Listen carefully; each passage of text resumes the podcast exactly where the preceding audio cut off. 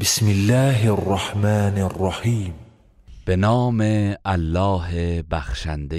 مهربان ألم نشرح لك صدرك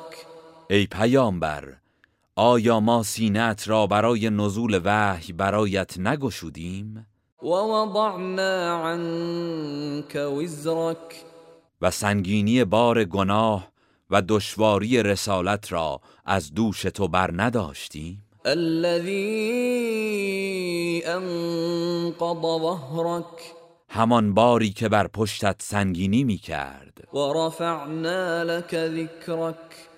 و نام و آوازه تو را بلند ساختیم فإن مع العسر يسرا پس مسلما با هر دشواری آسانی است إن مع العسر يسرا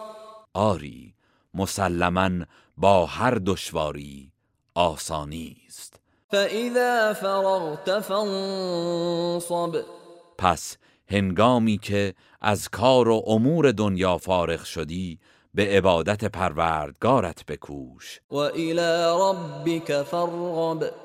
و به سوی پروردگارت راغب و مشتاق شو گروه رسانه‌ای حکمت